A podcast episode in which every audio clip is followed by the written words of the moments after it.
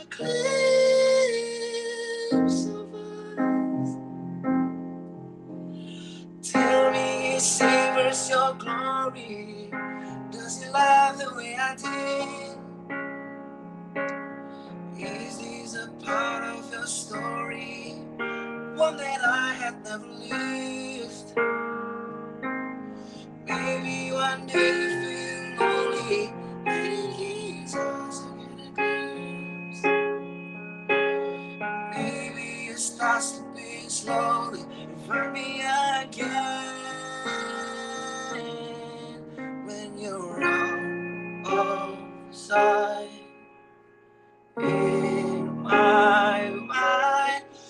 us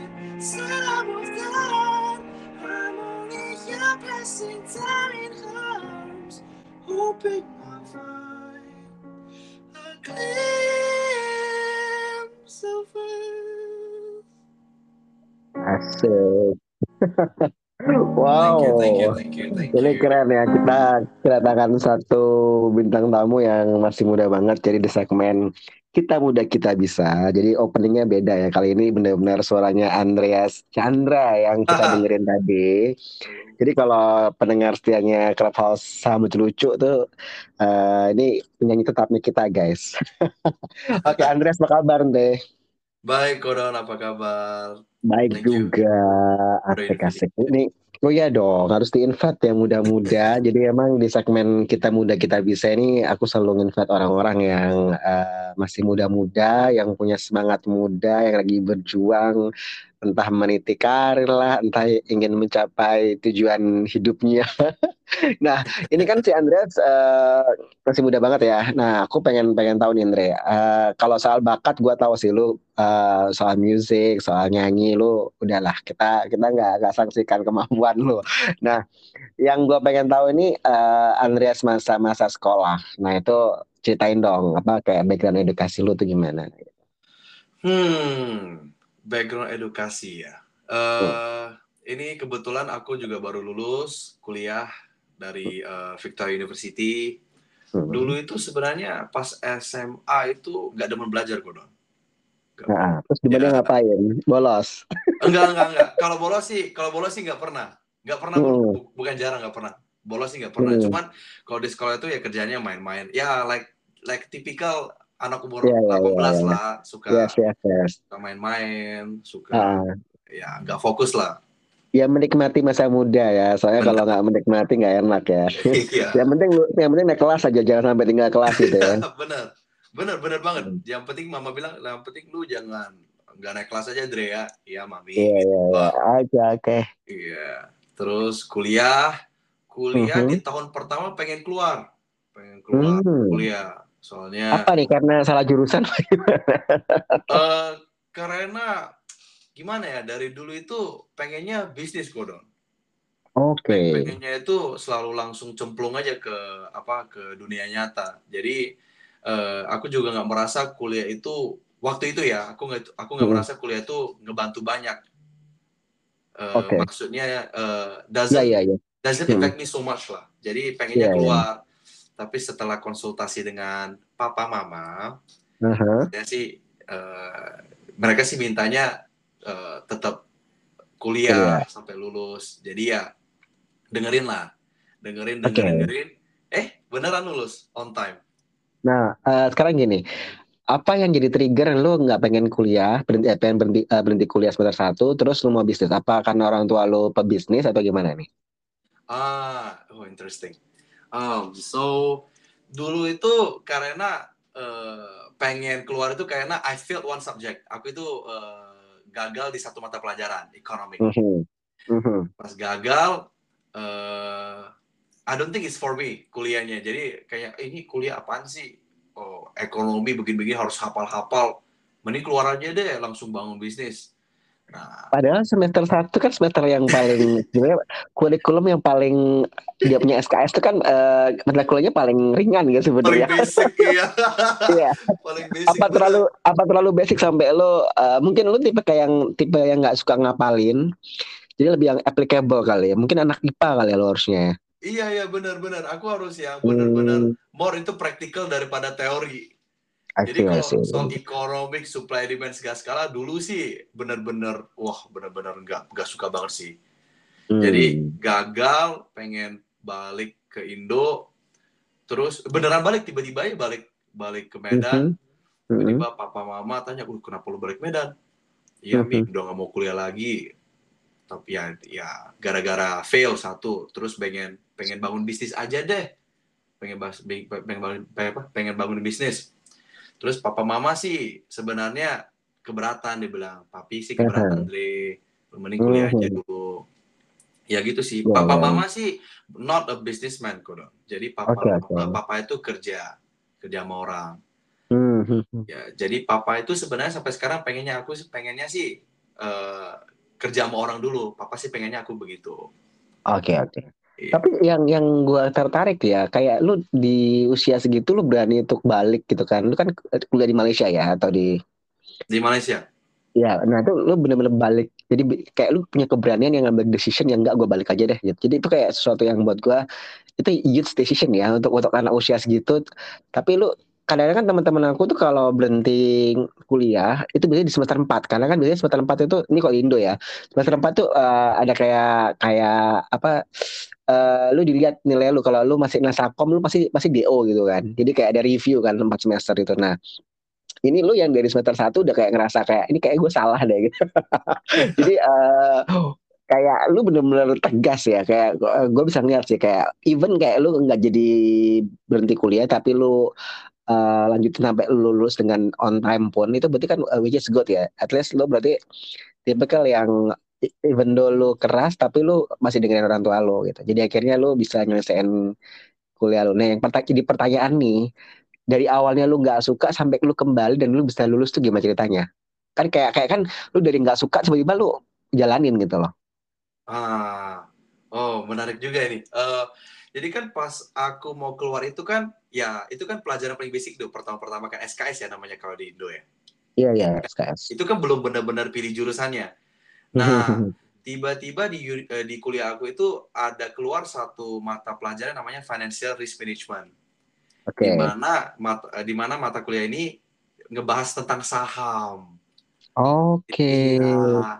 Jadi tiba-tiba, wih, tiba-tiba ada eh, baru tahu kan ada mata kuliah ini kan kayak, "Ih, Iya iya iya. oke deh kalau gitu ya papi mami juga mau aku masuk kuliah kan jadi aku pilih yang ini Hmm. nah Mhm. benar eh, setahun jalanin wah cocok di bener-bener ngomongin tentang eh, everything about investment lah istilahnya Iya, iya. ngomongin investment eh, terus eh, mata pelajarannya juga nggak semua eh, hafalan juga ada Mhm. hitungan aku kan demen hitungan juga Iya, iya. ya eh, eh, ya tahun kedua tahun ketiga lancar-lancar sih Hmm, Iya. mantap, mantap, mantap. Jadi akhirnya lulus di waktu yang sesuai target lu. Nah, setelah lulus, apakah eh sorry, se- eh, selama masa kuliah itu kalau di Malaysia lu ada magang gitu nggak sih? Atau lu ada part time gitu? Or you just just study doang? Oh, eh waktu di Malaysia itu aku nggak diperbolehkan untuk magang. Iya karena, Karena, eh, Iya, ya, iya karena sistem mereka ya. Iya, iya, iya. Tapi yang menariknya itu, aku dulu itu pernah jadi eh panda driver, food panda driver. Itu kayak Oke, oke, Gojek, oke. kayak Yes, Gojek yes. nih. Ah, ah. Nah, jadi kenapa? Karena eh, teman-teman Malaysia aku itu pada buat itu semua. Jadi Oh. kebetulan aku ada liburan, aku tanya, eh Uh-huh. pendapatan lu berapa? Emang dapat banyak ya? Wih, beneran Oke. banyak Don. Beneran banyak kan? Ah, Jadi- ah. Jadi eh, eh, aku, aku kan nggak diperbolehkan nih. Jadi aku pinjam akun teman. Oke, oke, nice, Jadi nice. aku iseng-iseng for like two, two or three weeks lah, two or three weeks. Eh, Uh-huh. Bukan cuman karena uangnya, tapi karena Hmm. aku pengen lihat orang-orang di Malaysia itu bagaimana, eh, culture-nya gimana dengan apa Hmm. eh, at- apa eh, interaction between eh, drivernya dengan eh, orang yang mesen lah istilahnya. Apakah ramah? Iya, iya, apakah iya. gitu? Hmm. Ya banyak banyak apa banyak banyak apa banyak pengetahuan ya yang aku dapat dari sana. Tapi itu kan eh, gini, ini ini menarik sih kayak eh, nggak semua anak muda ya, semua anak muda itu eh, mau untuk terjun di dunia services. Jadi kayak itu itu, itu kan itu kan nggak banyak ya. Jadi misalkan kayak biasanya nih kalau orang an- anak yang disekolahin ke luar negeri itu pokoknya semua dicukupin orang tuanya kan, iya nggak? Iya benar. Jadi kayak kayak eh, aku tuh punya beberapa teman yang tapi ada sih yang benar-benar berhasil yang dia benar-benar memang dibayar orang tuanya tapi dia selama dia kuliah itu benar-benar dia yang kerja di eh, restoran, dia jadi server, dia benar-benar yang benar-benar yang melayani gitu, gitu. Tapi begitu dia lulus terus dia eh, levelnya eh, kembali ke Indonesia jadi manajer dan sebagainya itu dia tetap eh, ke bawah gitu bahwa kayak eh, lu walaupun lu manajer eh, apa pun dia selalu bantu gitu. Jadi kayak kalau kalau misalkan lagi hectic dia selalu bantu. Jadi itu aku ada satu orang yang emang gua dulu pernah kerja sama dia ya. Dan emang buat aku sih eh, dia dari yang masa kuliah itu udah bener-bener yang cuci piring. Iya apa ya jadi pokoknya bener-bener yang eh, waktu gua diceritain. Karena pas waktu gua satu kantor sama dia itu gua lihat gitu ya. Kayak dia kan superiorku ya direk, dia level direktur. Mhm. terus eh, kan dia kalau makan siang selalu sama aku kan kayak aduh temenin gue makan siang dong gitu. Oke oke. Eh, tapi selama di kantor gue lihat sini kadang-kadang dia tuh direktur tapi mau sampai terjun ke bawah. Dia gue sampai ini kayak direktur baru kali ini gue liat direktur yang masih muda yang apa yang stylenya beda gitu. Jadi mulai dari kayak eh, even kayak appearance-nya dia dia tuh pakai sepatu cats. Jadi kalau kalau di Jakarta mungkin wajar ya tapi kalau di sini tuh kayak beda banget gitu di zaman itu ya. Ini orang yang selalu sporty yang yang memang ini enak enak enak gini don. Eh, jadi kayak kita tuh ada seragamnya kan tapi dia tuh enggak jadi dia tuh yang benar-benar yang eh, pakai jeans terus pokoknya kalau hari hari hari hari ini kita santai aja yuk nggak usah pakai seragam yang gimana gitu gue sampai ah terus jadi dia benar-benar beda nih orang itu dulu pas pas gue masih muda ya. Gue liat stylenya beda. Terus aku nggak tahu kalau dia tuh lulusan luar negeri gue sama sekali nggak tahu. Terus akhirnya pas udah makan makin dekat makin dekat gue jadi tahu oh kenapa ya dia ini eh sering melayani orang gitu. Karena dia bilang eh, walaupun dia dari orang keluarga orang kaya ya tapi dia itu semasa di US itu dia kerjanya tuh kerja di restoran gitu kayak gitu gitulah pokoknya dia benar-benar yang layanin orang. Jadi itu kayak sampai dia bilang bahwa dunia service itu itu eh, tantangannya berat don karena masalah satisfaction kan gitu jadi kayak oh oke itu tuh yang gue lihat sih nah kalau lu ini kan lu eh, food panda driver ya Mhm. jadi kayak lu lu pengen tahu gimana sih eh, kan teman-teman lu dapat duit terus lu pengen juga eh, mungkin bukan uangnya tapi kayak pengalaman yang lu cari ya. Iya. Hmm, Iya, nice, bener. nice. Dan juga mungkin lebih ke mau humble myself down sih Kodon. Kalau mau jujur ya. see. Iya. Ya ya ya. Sebelum sebelum aku buat Foodpanda itu aku a big spender, very big spender. Oke. Jadi Oke, oke, pengen oke, oke. humble humble myself down Mhm. dan and and it works. Bersyukur banget, bersyukur banget bisa ngobrol sama teman-teman yang memang food panda diver juga. Jadi Oke. lebih I Hmm. value I value money more lah istilahnya.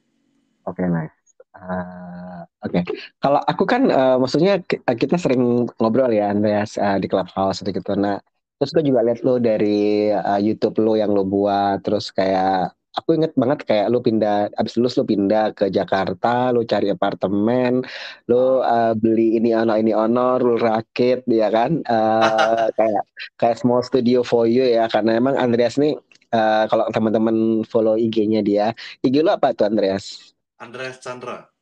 Nah, Andreas Chandra ya. Nah, itu IG-nya dia tuh emang eh pertamanya gue lihat sih dia sering upload terus tapi gue surprise dia punya YouTube ya. Jadi gue lihat ya YouTube dia lama-lama gitu kan.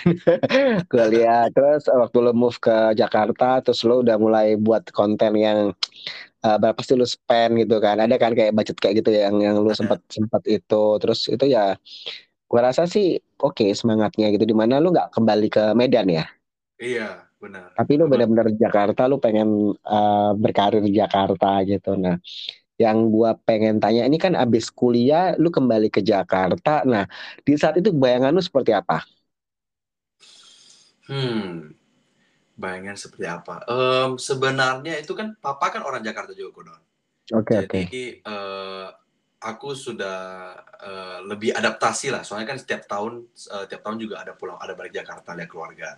Mm-mm. Tapi kalau soal eh, pandangan orang ya, kaget sih. Kayak oh beda ya, Medan sama Jakarta ya orang Jakarta begini, orang Medan itu begini lebih kalem. Mhm. Kalau Jakarta kan lebih lebih gimana ya, lebih eh dynamic competition Iya eh, benar, benar. ujung-ujungnya Kompetisinya- ya enggak Benar, iya, iya.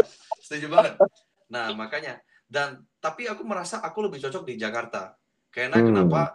Aku kuliahnya di Kuala Lumpur. Kuala Lumpur kan Mhm. ibu kotanya Malaysia juga dan orang-orangnya Yes, yes, kebetulan yes. juga begitu mirip-mirip dengan Jakarta. ya, stylenya sama ya hampir sama Jadi aku merasa kota-kota eh, besar lah ya iya, ya merasa Oke. I, bel- I belong here more lah. Ada value yang bisa aku kontribusi di sini. Oke, yes.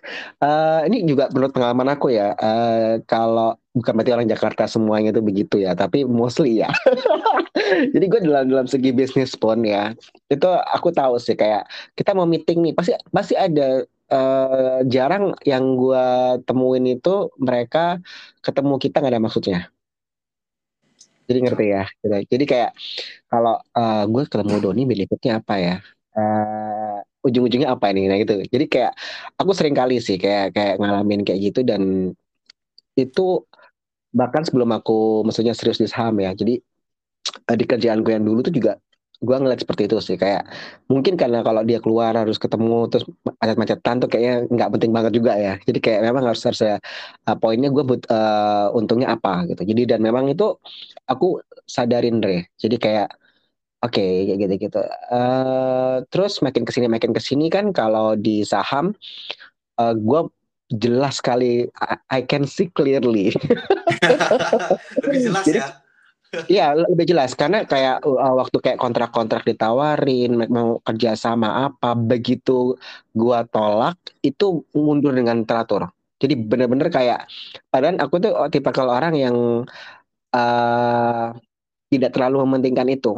Jadi aku lebih penting kayak networking itu long, lebih lama dibandingkan satu kertas satu dua kertas yang harus kita sign. Jadi uh, I always treat people like that gitu. Jadi kayak uh, aku nggak melihat orang ini uh, benefitnya kalau gua sama dia itu gue dapat apa. Nggak hitung-hitungan di situ.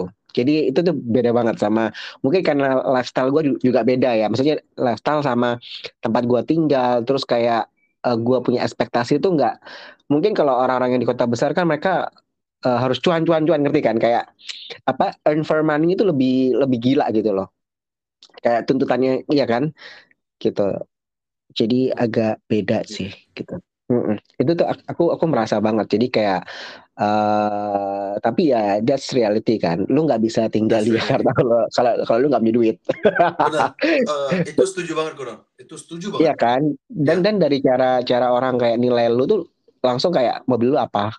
Eh, oh lu, lu yes. stay lu Benar stay di mana Iya kan? Lu Iya, lu stay di mana? Lu rumah lu di mana? Itu jadi kayak benar-benar yang pertanyaan yang uh, aku itu tipikal yang nggak ke situ Andre. Sama sekali. Kalau teman-teman yang kenal aku ya itu pasti uh, oke okay, kita tahu Doni itu bukan kayak gitu gitu. Nah jadi kayak aku kayak opposite-nya banget Andre jadi yes. ini ini sisi lain yang memang teman-teman kayak nggak ngerti uh, yang nggak kenal aku ya. Mungkin tahunya cuma di clubhouse apa tapi kalau nggak ngerti personal lifeku tuh benar-benar beda banget gitu. Even kayak mungkin kalau kau untung sama gue hampir sama. Kayak kita tuh lebih praktikal gitu. Jadi kayak kayak gue kalau naik mobil mungkin cuman pas ngantor doang pagi ya sore setelah itu gue lebih naik go malamnya gue naik gokar naik gojek lu tau kan? Jadi gue tuh yang lebih kalau lagi malas naik motor gitu. Jadi kayak uh, iya uh, mungkin gue bilang kayak gue tuh nggak mikirin itu Andre iya. jadi kayak waktu itu kan kayak temen gue sampai lu punya rumah tapi lu nggak tinggal rumah di sana tuh ngapain? Gitu kan kayak terus gue bilang oh lu nggak tahu kenapa gue beli rumah yang di, di sana karena dulu ceritanya begini-begini akhirnya gue beli. Gitu. Jadi kayak orang orang kan nggak ngerti kan maksudnya uh, dari reason apa baliknya itu kan itu yang personal ya. Jadi kayak Benar. akhirnya tapi orang itu pada umumnya melihatnya ke situ nih jadi yang dan, dan teman-teman gue di Jakarta semua itu uh, mostly begitu. Setuju banget sih. Jadi, Benar. Iya kan, it's so true gitu. Jadi kayak, uh, oh mau ketemuan sama dia, kamu mau ngapain? Uh, dia ada bisnis apa? Itu semua langsung nembaknya ke situ gitu. Jadi yang iya. yang gue rasa uh, dan akhirnya kayak gue ya gue memaklumin. Jadi kayak oh oke, okay, oh oke okay, gitu. Jadi ya itulah ya. Tapi kalau buat aku yang mungkin udah double up your age maybe, itu gue gue ngerasa kayak semua itu uh, benar-benar ujung-ujungnya duit gitu. Jadi kayak lu susah banget nemuin orang yang benar-benar nggak lihat ke situ. Kalau di kota besar ya, jadi kayak dulu gue di Surabaya juga hampir sama sih.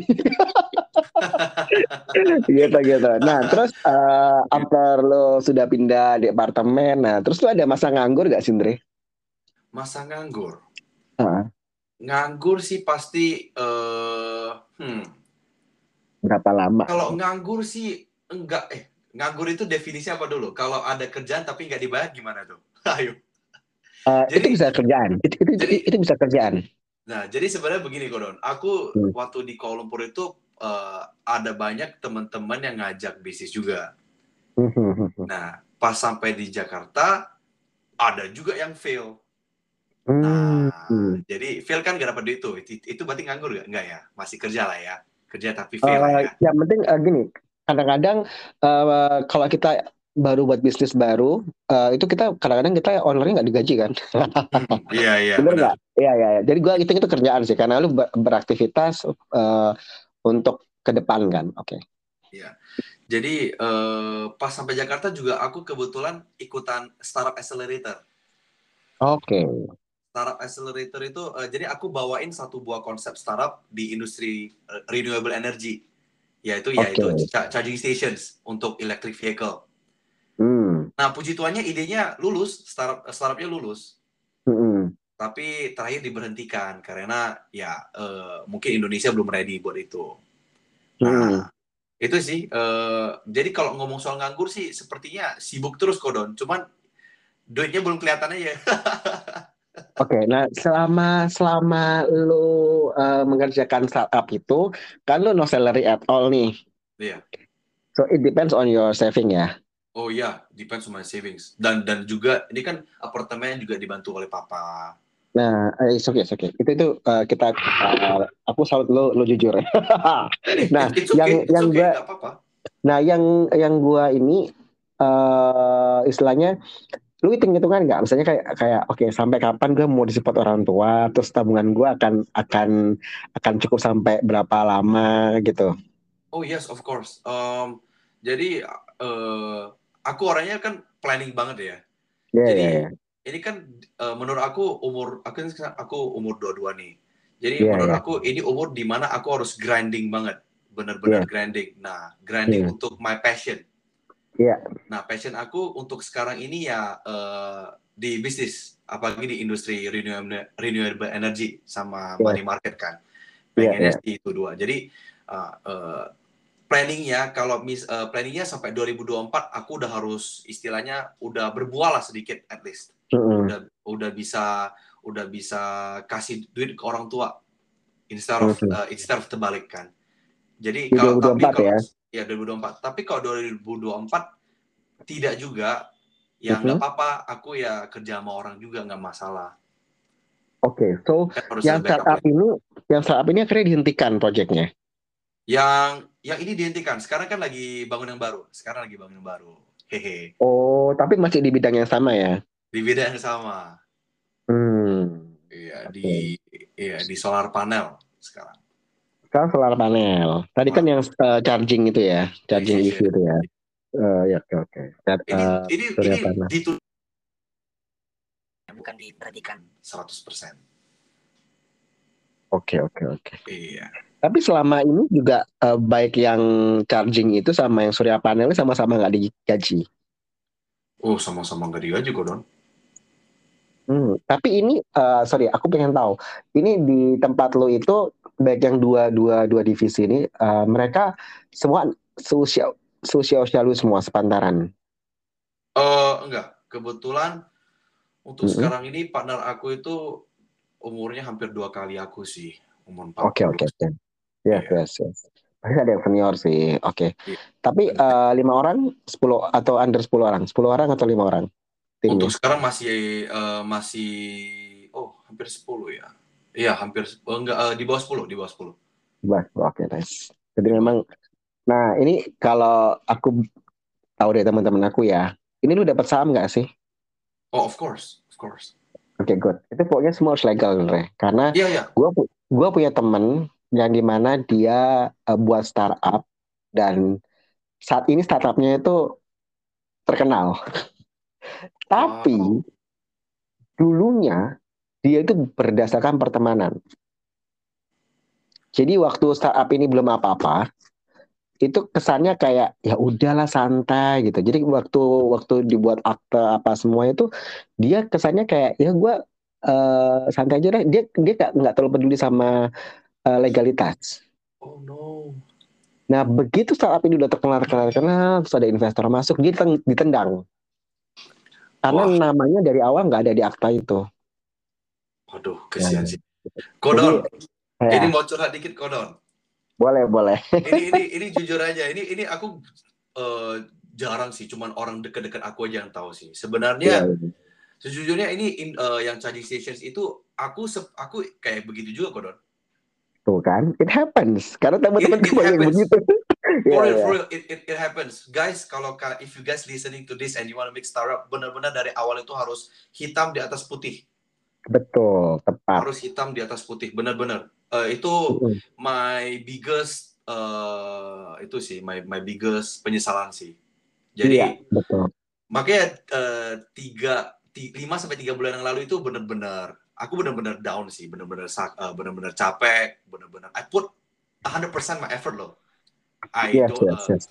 tidurnya tidurnya nggak cukup, ap- eh, bangun eh, tidurnya pagi, bangunnya pagi juga. Iya, I know, I know. Tiba-tiba di tiba-tiba dibilang tiba-tiba dibilang lift kan jadi sakit hati kan Godon kan. Iya, iya, iya, iya. iya. Iya. Jadi ya charging stations ya sekarang eh, partner baru.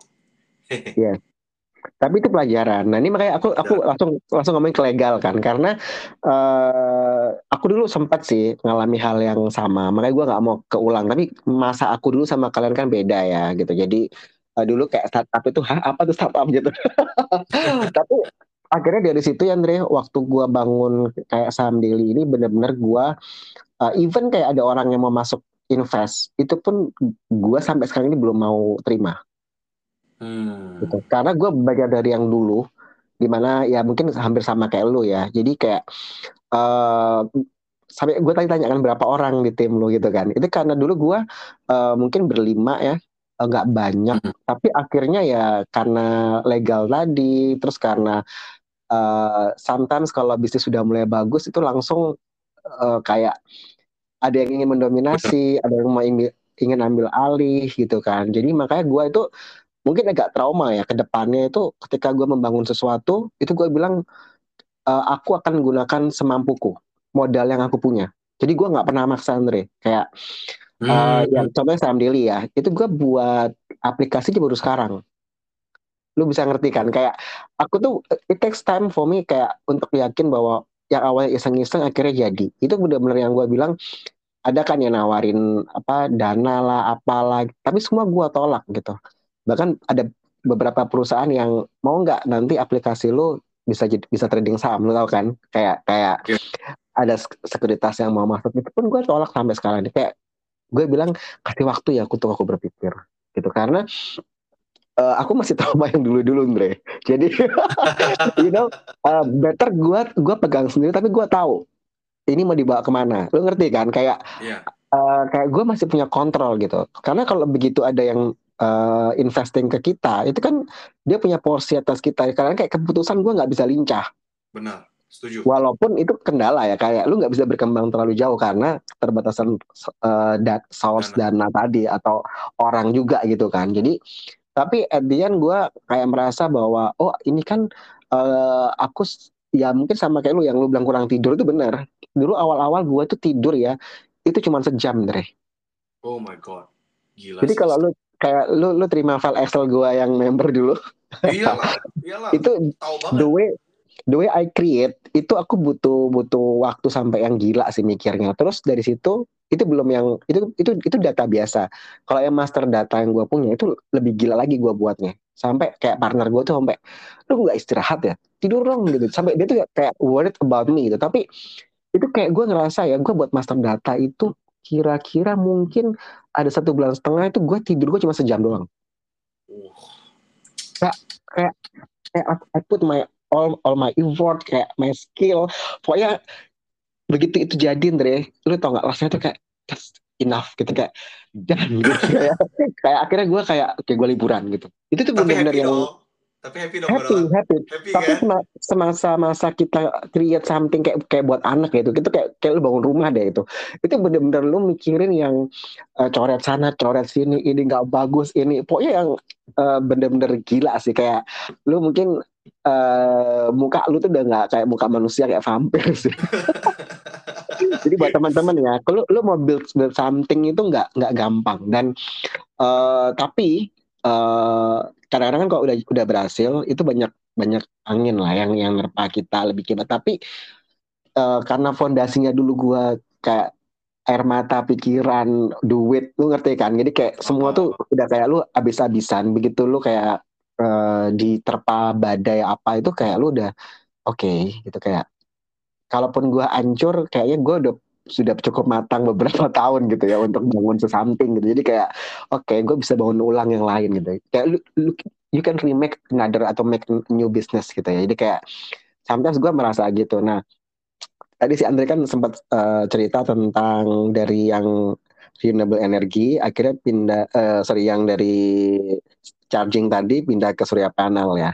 Nah kalau yang surya panel ini uh, lu udah secara legal udah oke okay, terus lu udah ini masih tim yang sama atau beda orangnya oh, oh pasti tim yang berbeda kok don oke okay, pasti hmm.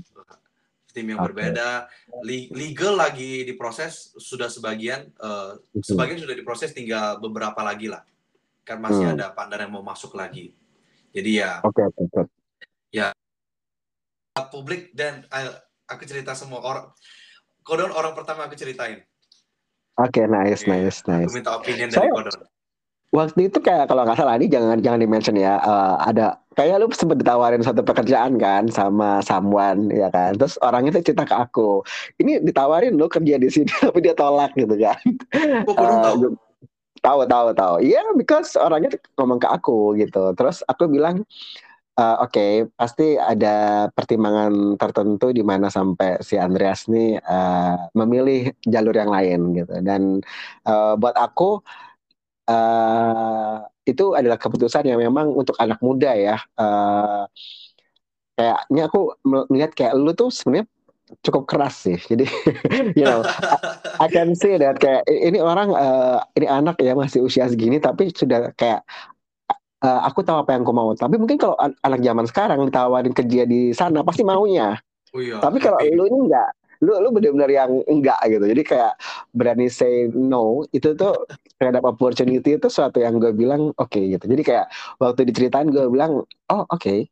Tapi dalam hatiku ini anak punya karakter sih. Jadi kayak lu lu tahu apa yang lu mau sih. Nah mungkin uh, kalau buat aku ya ke depannya ya lu kan masih muda buat kayak kemarin gue mau pakai Kevin Hendrawan ya yang uh, I learned oh, yes, from him yes. yang di mana dia bilang ya aku coba aja kok. Jadi aku berani untuk mencoba gitu. Lagi masih muda gitu kan. Jadi ya itulah makanya buat teman-teman yang generasi Z ya. Habis generasi Z ada generasi apa lagi sih? Uh, Alpha. Apa? Z Z. I don't know ya. Ya ya. Abis itu apa ya? Apa Alpha ya? I don't know. Iya. nah itu itu uh, benar-benar uh, banyak yang galau kan. Eh, karena tempat aku tuh sudah mulai yang 16 tahun 17 tahun yang usianya yang masuk ke capital market. Jadi mereka yang main uh, trading saham tuh udah usia-usia yang sangat anak SMP anak SMA tuh udah masuk. Jadi kayak gue melihat bahwa mereka tuh sampai yang kadang-kadang kalau lu mungkin pas kuliah eh pas sorry pas SMA lu udah kayak sekolah ya sekolah tapi not good ya nggak terlalu yang ya, harus lagi satu gitu kan. Hmm. tapi yang sekarang sekarang tuh beda. Mereka kayak Uh, begitu lu semester 2 lu tadi uh, ada saham lu seneng kan invest, investasi dan yeah. tertarik gitu. Nah, ini anak-anak SMA atau SMP yang sudah tertarik sama saham. Jadi mereka kayak enakan saham sih. Uh, gua uh, kalau guru lagi ngajar gua trading kok. Nah, lu tahu kan? And sometimes their parents tuh telepon gua. kalau kalau ketemu sampai gini bapaknya. Kalau bapaknya sih masih ada yang oke, okay. tapi kalau mamanya kadang-kadang yang udah yang aduh kok Doni ini anak jangan sih. Terus selesai sekolahnya dulu. Itu nggak yang cuma SMA ya, tapi ada juga yang kuliah itu benar-benar nggak selesai skripsinya. Ya gara-gara tadi itu. Gara-gara udah trading. Jadi kayak tinggal skripsi doang nggak selesai selesai akhirnya kan kayak orang tuanya ah, kondon tolong dong anakku sehatin nah akhirnya gue ya ya karena ada kenal baik ya orang tuanya juga tempat gue kan. Jadi gue bilang ya gimana sih orang tuanya aja trading saham gitu kan? Tapi oke okay, oke. Okay. jadi gue gue bilang sama anaknya lo selesai dong kuliah lo cuman cuman skripsi doang gitu kan. Ada yang semester enam gitu kan. Semester enam kan harus ada fokus ya karena biasanya uh, tahap-tahap itu tuh uh, mata kuliahnya lebih lebih berat kan gitu. Hmm. gitu. Nah so ini uh, dengan surya panel ini ini sama government punya bisnis apa gimana sih Oh no, uh, targeting oh, retail, targeting rumah-rumah kodon. Oh retail, oke oke iya. oke. Iya. Aku rasa sih itu bakalan oke okay sih, karena perusahaan-perusahaan besar pun udah mulai lirik ke surya panel. Cuman yang jadi pertanyaannya, uh, ntar perusahaan lo itu harus bersaing sama perusahaan-perusahaan yang udah punya nama kali ya. Yes, benar. Itu salah satu itu, itu challenge ya. Challenges, ya, challenges kan? yang agak itu agak hmm. berat. Tapi kita udah kalkulasi seharusnya sih masih bisa. Nah, yang membedakan lu sama perusahaan besar itu yeah. apa? Hmm, aku spill dikit lah ya. Iya, um, apa-apa santai. Ini kan gue kayak gue kayak lagi juri juri juri. Iya, iya benar-benar benar seru banget. So, um, jadi untuk sekarang kita punya satu-satunya pabrik di Indonesia. Nah, jadi hmm. kalau barang ada apa-apa, kan kebanyakan bukan kebanyakan sih, most eh, every, itu mereka impor ya hmm. itu mereka hmm. impor dari ya China yeah, and, yeah. Um, ya and um, hmm. jadi kalau misalnya mereka sudah tidak kerja sama dengan mereka hmm. itu kan takutnya mereka nggak bisa servis barang lagi nggak bisa ya, purna purna jualnya ya betul. ya kalau kalau ada pabrik di Indo kan kalau kalau misalnya kita bermasalah kan masih bisa ke pabrik masih bisa ada maintenance dari mereka jadi ya, ya kita itu nggak mau customer dirugikan lah istilahnya. Kita benar-benar mau manjain customer dari end, dari end to end. Oh ini lumayan gede ya kalau kalau punya pabrik sendiri ya. Ah, uh, nah itu itu ntar ntar kita ngobrol kodon. Nanti jangan-jangan nanti listing tiba di IPO di bursa ya. ya ya ya tapi betul betul text time lah kan kan butuh laporan keuangan mungkin empat tahun lima tahun ke belakang. Text time, text time, text time. But But that's the goal hmm. lah Kodon. I have so many goals Kodon, cuman ini satu-satu dulu. Tapi nggak yeah. apa-apa, anak muda itu harus punya banyak goals yang lu trial and error, trial and error sampai lu nemuin ini yang gua mau. Biasanya kalau di, di zaman aku itu biasanya usia 33, 35 itu kita sudah benar-benar serius mau mikirin ke, ke depan. Jadi bukan main-main lagi. Eh, rata-rata uh, ya.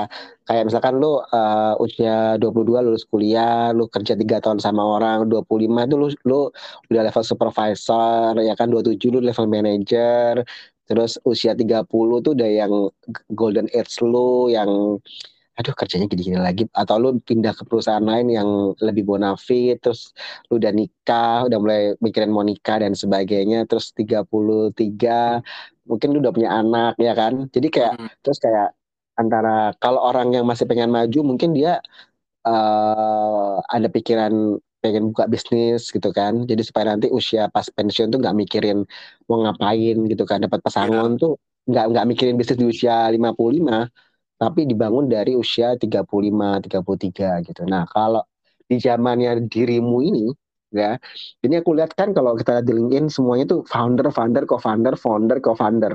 Jadi beda. Di zamanku dulu begitu wisuda itu yang dibicarakan wah kalian ini merupakan lulusan dari perguruan tinggi terkenal di uh, provinsi ini atau kota ini uh, jangan khawatir dengan IPK segini uh, kalian pasti masuk ke perusahaan-perusahaan bonafit dan sebagainya jadi kayak di, disuruh untuk bekerja bukan untuk membuat bisnis. Tapi kalau yang sekarang gue lihat dari LinkedIn itu, di mana anak muda tuh kuliah aja mereka udah punya bisnis. Iya. Ya kan, jadi uh, eranya sudah berbeda sekali. Nah ini kalau si Andrea sendiri itu gimana?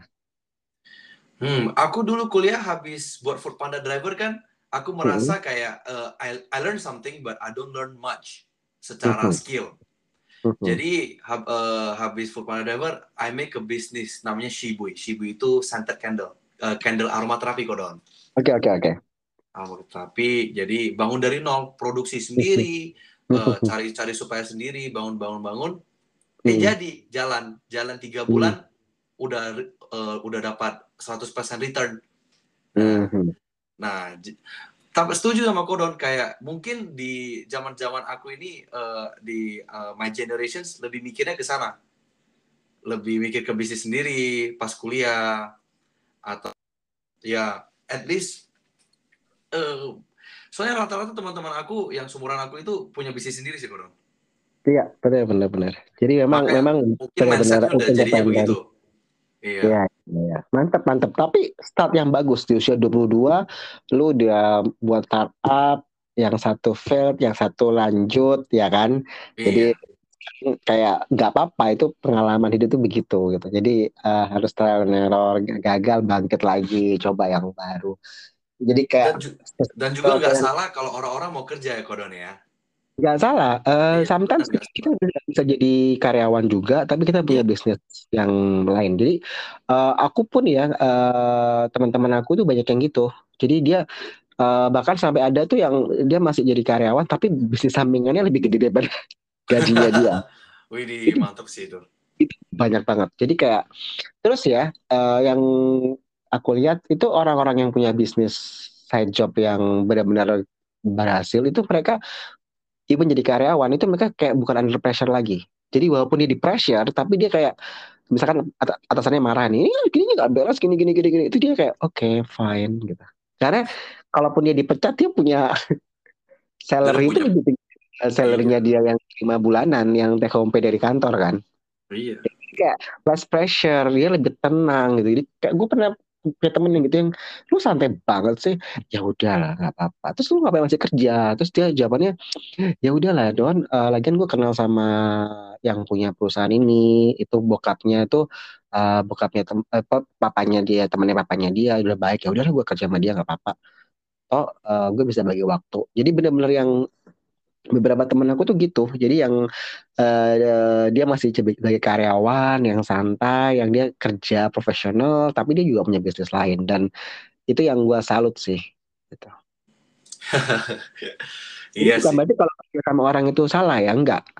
Uh, even kayak kayak lu jadi karyawan terus lu jadi trader di saham gitu kan. Ya itu bisa juga dilakuin kan? Oh bisa sekali. Iya Nah, terus gimana nih Dre? Uh, kan lu uh, selain di startup yang sekarang di Surya Panel, terus lu uh, juga coba di capital market kan, uh, trading oh, iya. di saham. Iya. Dong, uh, pengalaman lu uh, trading di Indonesia di saham Indonesia. Hmm. Um, good and bad ya sebenarnya ya. Pasti, bad. pasti. Pasti. Pasti kan aku, aku sebenarnya kenal saham itu dari umur 17 kodon.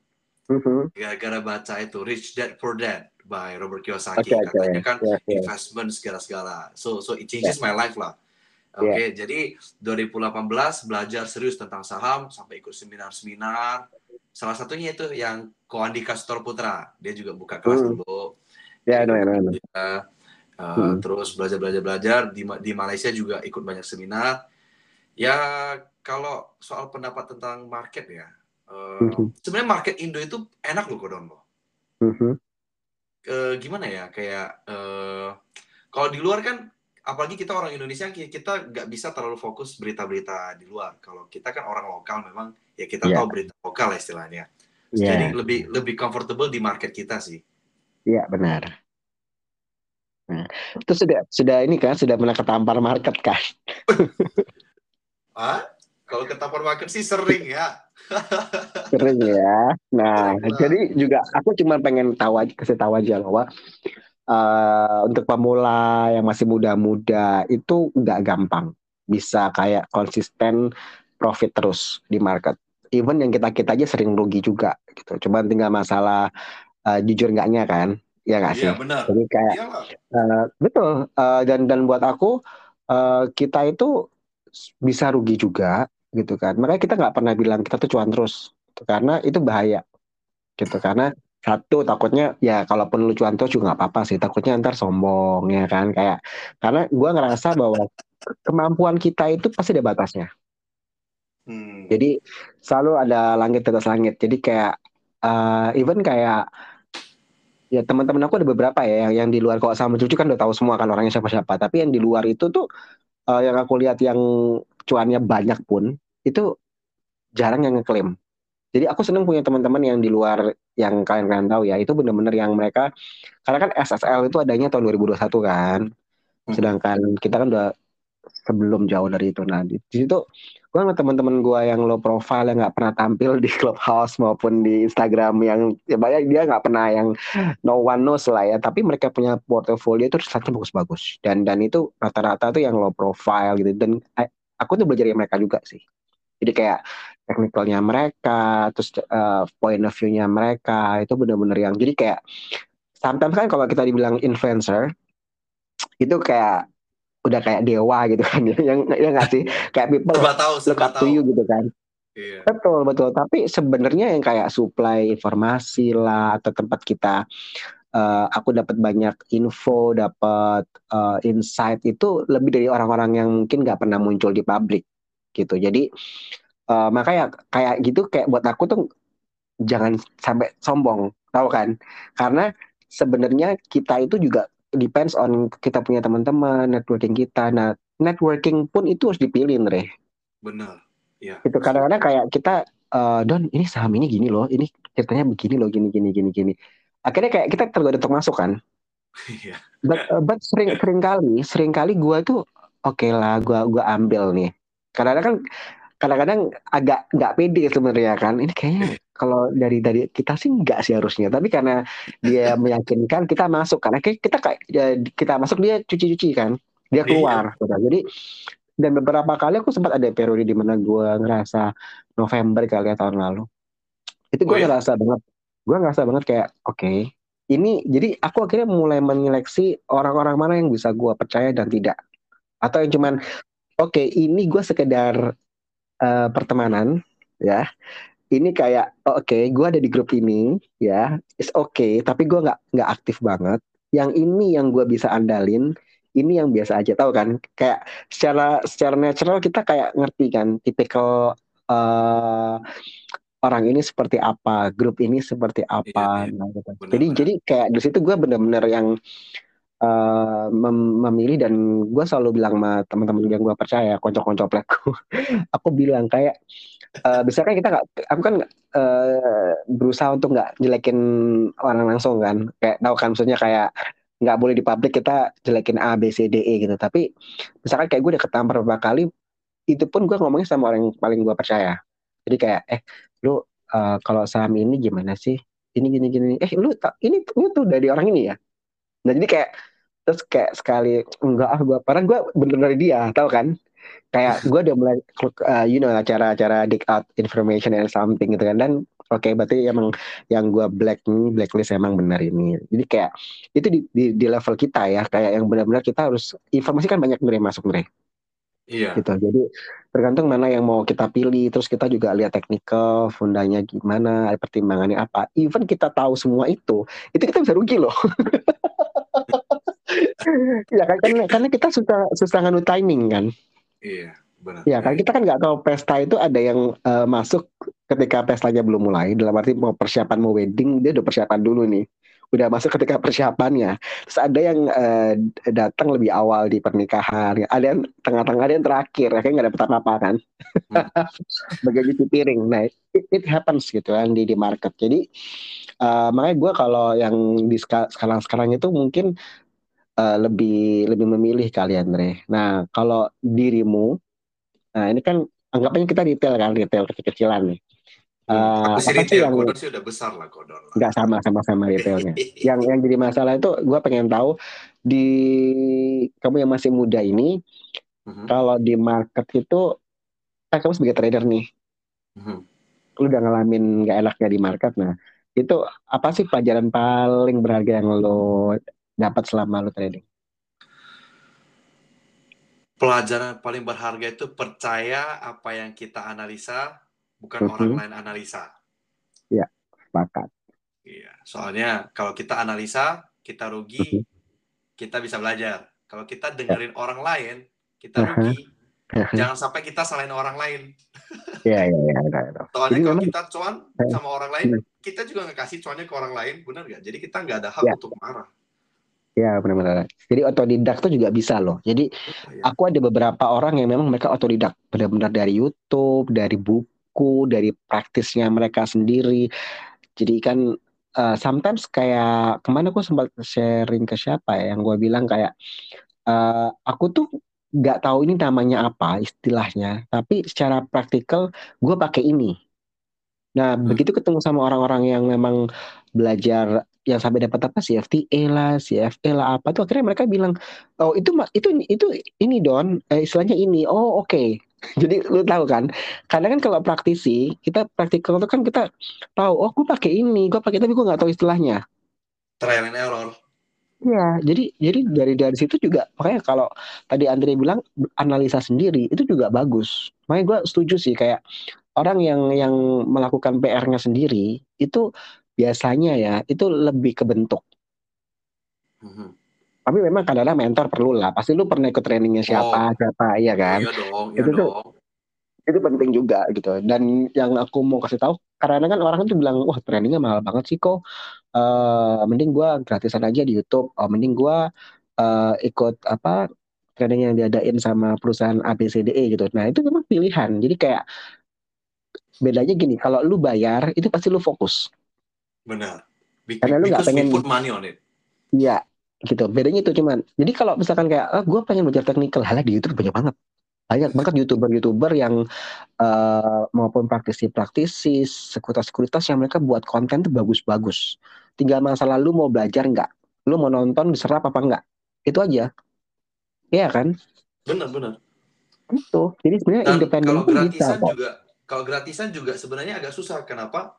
Mereka nggak tahu hmm. apa yang mereka nggak tahu Godon kalau ada mentor kan diarahin tuh, oke okay, lo harus belajar ini ini ini untuk mencapai yeah. ini. Yeah, nah yeah. kalau kalau gratisan kan memang mau mencapai ini, tapi caranya gimana kan nggak dijelasin, makanya agak susah. Yeah, tapi and then you find find your own ya. Iya. Hmm. Gitu. Yeah. Dan sometimes ya aku tuh, makanya aku kenal beberapa orang yang youtuber youtuber itu karena aku juga lihat mereka punya materi. Jadi kadang gini, kan kayak kita udah sering kali rutinitas, akhirnya kita kayak uh, butuh recharge juga kita punya memori uh, memori ya. Kita kayak butuh butuh refresh terus kita ada yang ada yang baru nggak sih sekarang? Uh, metode baru nah gitu, gitu kan. Dan aku tuh pun masih masih liatin YouTube-nya orang masih baca tulisannya orang gitu. Jadi kayak masih masih belajar gitu. Jadi kayak ya nggak never ending ya kalau kita ngomong belajar ya. Jadi iya. dari mana aja kayak gue aja gue lihat kayak misalkan oh keuntung tipikalnya seperti ini, Oko Bennett seperti ini, siapa lagi Hans seperti ini gitu-gitu ya, yang memang gue lihat oh jadi kayak uh, belajar dari mereka itu nggak mesti harus ikut trainingnya mereka sih, tapi dari cara kita pas mereka ngobrol, pendapatnya mereka, pandangannya mereka, kita bisa beda pandangan kan. Oh, stoknya aja bisa beda dan juga bisa sama gitu kan. Jadi di situlah yang yang gue lihat bahwa uh, kembali ke style kita lagi nantinya dan memang benar sih uh, buat teman-teman yang kadang-kadang kan yang kayak masih anak SMA, mahasiswa nggak punya duit kan, Re, kalau ikut training mahal-mahal gitu-gitu. Terus gue bilang Eh, nggak uh, perlu sedih juga karena banyak sekarang tuh udah banyak banget channel tuh yang bisa kita pelajari sendiri tanpa harus kita uh, buang duit atau lu keluarin duit gitu. Karena kan kalau kalau orang yang memang investasi ke diri sendiri buang bukan buang uang sih, tapi spend money untuk training itu hal yang biasa ya atau lu beli buku tuh hal yang investasi. Mm-hmm. Yeah, kalau kalau orang yang cuma pengen cuan cepet ya nggak semua buku tuh ada triknya, ya kan? Iya benar kadang-kadang cuma teori-teori yang uh, membosankan. Kebanyakan tuh judul yang judul buku sama ya judul buku sama isinya tuh kadang-kadang uh, nggak uh, nyambung juga. Iya benar jadi kayak aku sering dulu kasih giveaway ya. Jadi kayak gue pas baca tuh kayak oh oke okay, buku ini oh, oke okay, gitu, gitu. Jadi kadang-kadang ya emang bertemu dengan praktisi itu benar-benar yang pelajaran berharga. Iya, ya, sometimes aku tuh kalau ketemu sama teman-teman yang ini ya, yang di saham, gue selalu dengerin aja mereka ngomong apa gue dengerin oh ada yang kayak gini oh ada yang kayak gini. Jadi kayak kita mesti kayak jadi botol apa jadi gelas kosong kali ya. Hmm, ya sih? Ya. empty. Jadi bener gue yang yang lepas dari semua itu bilang menarik ya apa kita coba ya metodenya dia gitu gitu jadi kayak gue ngerasa nggak uh, boleh cepet puas diri tetap belajar toh masih juga sering rugi juga. Kalau market lagi merah semua pasti dia merah lah, nggak mungkin kalau hijau terus ya kan.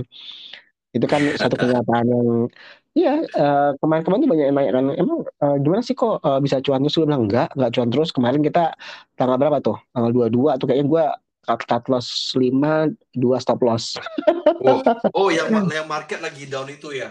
Yang lagi ya, dan, tiba-tiba ya. Ya, ya itu ya, itu kita benar-benar rombak kita punya portofus gitu kan, balik arah beda banget terus uh, tapi sebenarnya kita udah antisipasi sih Andre, uh, udah mulai tanggal 19 itu kita udah sudah apa? Udah sudah, ngomong lah bulan sudah race cash. Iya.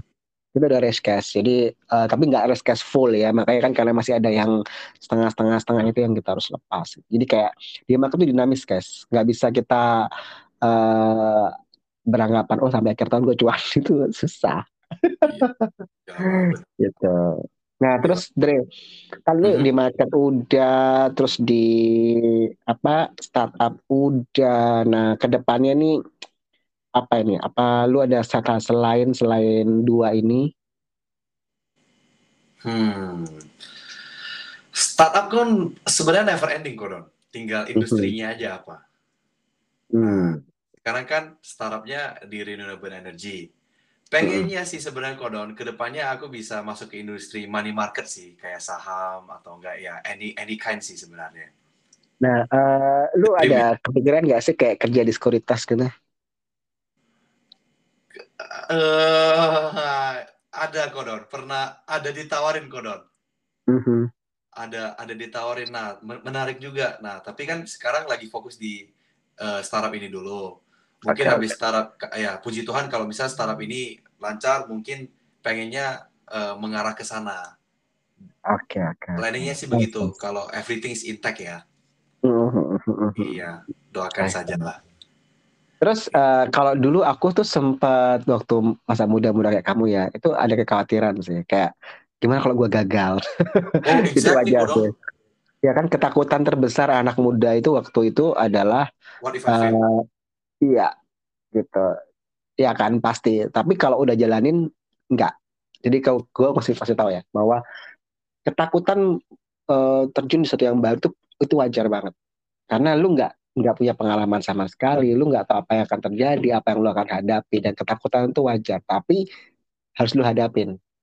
Gitu. Jadi kayak bonek ya, bono nekat. Nekat tuh sometimes tuh uh, kalau aku bilang ya kadang-kadang uh, tanyain lu gimana sih Don ya gue dulu nekat aja sih kayak emang bonek banget gitu. Kalau nggak gitu kita nggak tahu Andre. Iya kan? Gue pernah ditipu ya kan? Ya. ditipu pernah hilang duit pernah ya kan? Di, Tapi ya, itu yang malah buat kita kuat kok Don. Iya make us stronger and then uh, uh, yes. get up again ya kan? Dan gue ya udah stand up again and then try our best lah gitu. Dan sukses itu kan harus ada kegagalan, Koron. Benar nggak? Kalau nggak ada gagal, kalau nggak ada gagal gimana sukses? Itu udah rumus, udah rumus mati, udah harus iya nggak ada orang langsung Benar. sukses. Impossible. Iya, nice, nice, nice, nice. Iya. Nah, Andre, eh, kalau menurut lu nih ya, kita ngomong passion. Nah, ini yang gua mau tahu harus inline gak sih apa yang lu lakuin sama passion lu? Atau kerjaan lu sama passion lu harus inline enggak? Eh, s- eh, menurut aku sih yang penting duit di mana kita ikutin Kodon ya. Oh, lu Eh. kayak you fo- follow the money ya? Oh no no, follow the passion. Passion is the money. Oh. kan? Oh, oke, oke. Enggak lah, enggak lah, enggak lah. Maksudnya No, no, it's Sebenarnya- true, it's true, it's true. sebenarnya menurut Eh. aku sih passion nggak perlu intek dengan ke- pekerjaan. Oke, Ta- eh, tapi kalau kita ikutin pekerjaan dan pekerjaan itu sukses, kita bisa Hmm. ngembangin passion kita karena kerjaan kita sukses. oke, oke. Kalau nggak ada kerjaan, kita cuma ikutin passion. Kalau kalau nggak ada duit juga passionnya juga nggak ada, nggak nggak juga nggak bisa berkembang juga kan? Oke, pertanyaan gini, pertanyaannya gue ganti sekarang. Lu Mhm. lebih milih jadi direktur satu perusahaan startup, direktur, ya kan, direktur, atau lu jadi penyanyi terkenal? Wow. Wah.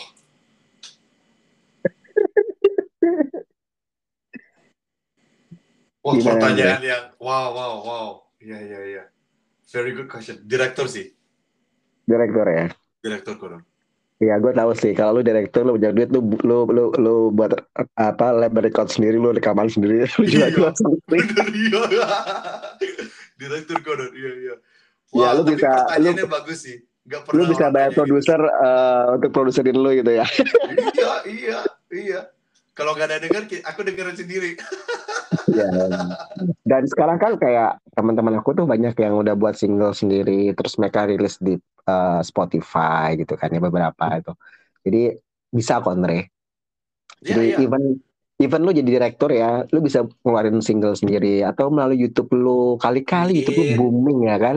Uh, yang mungkin yang karena lu masih muda ya mungkin lu bisa coba tulis lagu dulu. Mungkin sekarang kan cover-cover lagu orang, tapi gue berharap lu ada patah hati ya, ada lu jatuh cinta. Kan Waduh. biasanya nggak biasanya seniman itu dia jadi lebih eh, rasanya kan tinggi kan? Kayak eh, sensitivitasnya tinggi pasti. Ya kan dengan lingkungan dengan perasaan dia. Begitu dia patah hati tuh dia bisa nulis lagu bagus banget.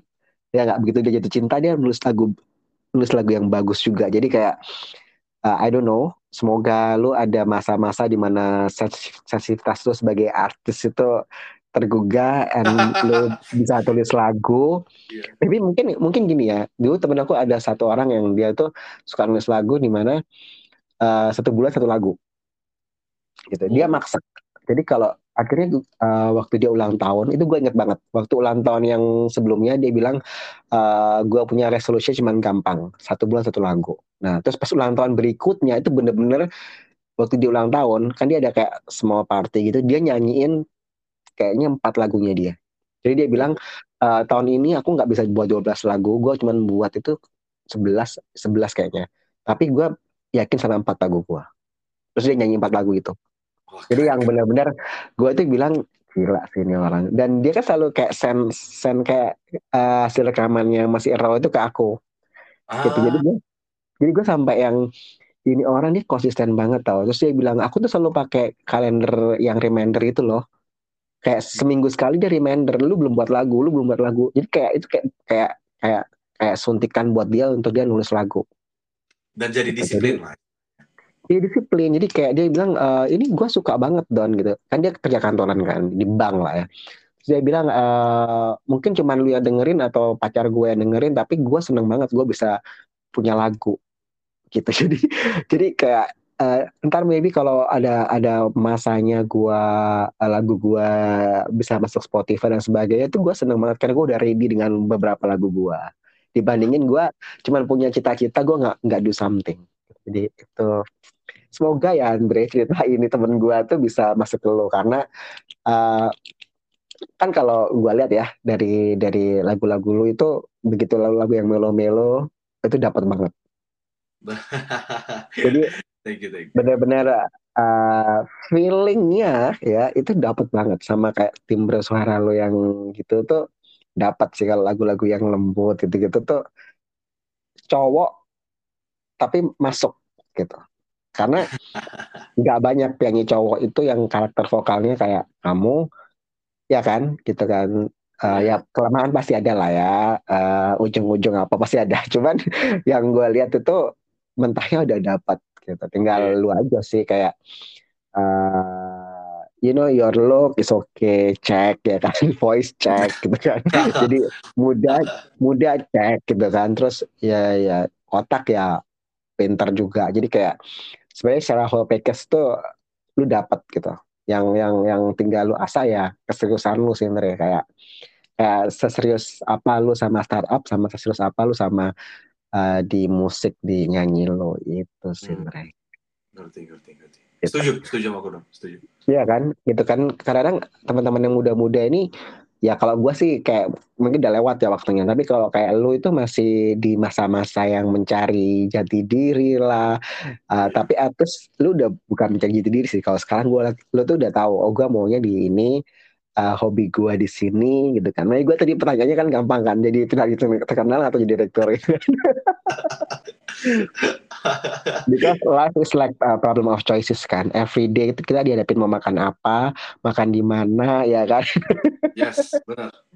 Makan aja milih, milih baju aja milih kan. Besok pagi gue mau pakai baju ini, nah, itu udah milih gitu kita. Jadi selalu dihadapkan pada pilihan-pilihan dan ya apa pun pilihan lo yang masih muda-muda buat gua uh, at least lu melakukan suatu pilihan. Jadi lu mau nggak mau lu harus buat keputusan buat hidup lu sih. Benar, soalnya pilihan itu yang menjadi sebuah karakter kan. Yes, benar. Iya. karakter tepat sekali gitu. So Andre, eh, ini kalau pertanyaan interview biasanya orang nanya eh, lima tahun lagi kamu melihat melihat diri kamu seperti apa sih akan menjadi seperti apa? Alah klise di pertanyaan. Coba jawab. Lima tahun lagi, Mhm. a founder of a startup sih, paling basic sih itu. A founder of a Right. startup. Itu a Mhm. founder of a startup. At least seharusnya eh, pengennya sih begitu. Asik asik asik. Iya. Oke, ada ini nggak eh, tips or I don't know lah yang lu bisa sebagai pesan-pesan buat generasi yang seumuran lu atau di bawah-bawah lu adik-adik adik-adik yang Ini- di Indonesia ini. Ini kan belum, aku masih belum apa-apa ya, belum. Mhm. I'm I'm I'm Mr. Nobody ya, but but if if I want to share something mungkin Mhm. lebih ke uh, always know what you wanna do lah, itu sih. Mhm. always know what you wanna do, jangan sampai kehilangan arah, harus ada planning. Jadi di saat di saat uh, harus planning kalau misalnya you you succeed, how do you want how do you want to be succeed? If you want to fail, how do you overcome that failure? Itu aja sih. Oke, nah mantap ya. Jadi teman-teman, aku rasa suaranya Andreas ini yang dia bilang nobody, ya emang benar, ya kan? Eh, dalam dalam tahap untuk eh, berjuang demi masa depan gitu. Jadi emang eh, gua angkat orang-orang yang mungkin teman-teman nggak kenal sama sekali, tapi aku rasa mungkin nanti lima tahun lagi kita ketemu Andreas sudah beda ceritanya. Ya nggak sih? Amin, amin, amin. Jadi amin. ini nih kayak suatu recordnya lo, catatan lo yang dalam bentuk voice yang one day lu bisa lihat Wow. gila gue di usia segitu gue ngomong kayak gini and then I did it gitu ya. I made it gitu kan. Ya jadi itu sih, semoga semoga bisa jadi apa ya kayak eh, rekaman yang kita bisa putar nantinya eh, bisa menginspirasi banyak orang. Kalau Kevin Hendrawan di usia 30 udah jadi CEO-nya apa? Salam rakyat. Eh, saham rakyat, foundernya saham rakyat ya, dengan store-nya dari swimmer sampai akhirnya jadi CEO. Nah, I hope also banyak Kevin Kevin Hendrawan muda-muda lainnya dan Andreas Chandra juga gitu kan. Tapi bukan pressure ya, karena eh, Ya, ya. tidak selalu jadi CEO atau founder itu sukses juga. Jadi Iya. sukses tuh ukurannya macam-macam gitu. Jadi kebahagiaan itu juga nggak semuanya itu harus di, harus dicapai dengan jabatan yang tinggi atau being famous tuh nggak juga. Jadi Hmm. ada orang biasa-biasa aja dia udah bahagia itu melebihi orang yang gajinya mungkin miliaran. Karena at the end, kehidupan nggak semuanya tentang uh, berapa banyak uang yang kamu miliki, tapi dengan setidaknya kamu punya uang itu, at least satu beban terkurangi. gitu. Oke, Cakep, Jadi cakep, gua- cakep. Seru banget malam ini. Ini kita satu jam 15, mungkin satu jam 10 menit. Ini merupakan podcast terlama saat ini. Oh, Tapi really? eh, ya, eh, tapi gue seneng banget karena flowing banget dan aku rasa ini membuktikan ya bahwa gue nggak salah memilih orang ketika gue ngobrol. karena eh, betul Andre, karena ya itulah semoga banyak hal yang bisa teman-teman dapat dari podcast episode kita muda kita bisa bersama Andreas Chandra. Oke, saya Doni dari Sam Daily out. Thank you Andre, bye bye. Thank you, bye-bye.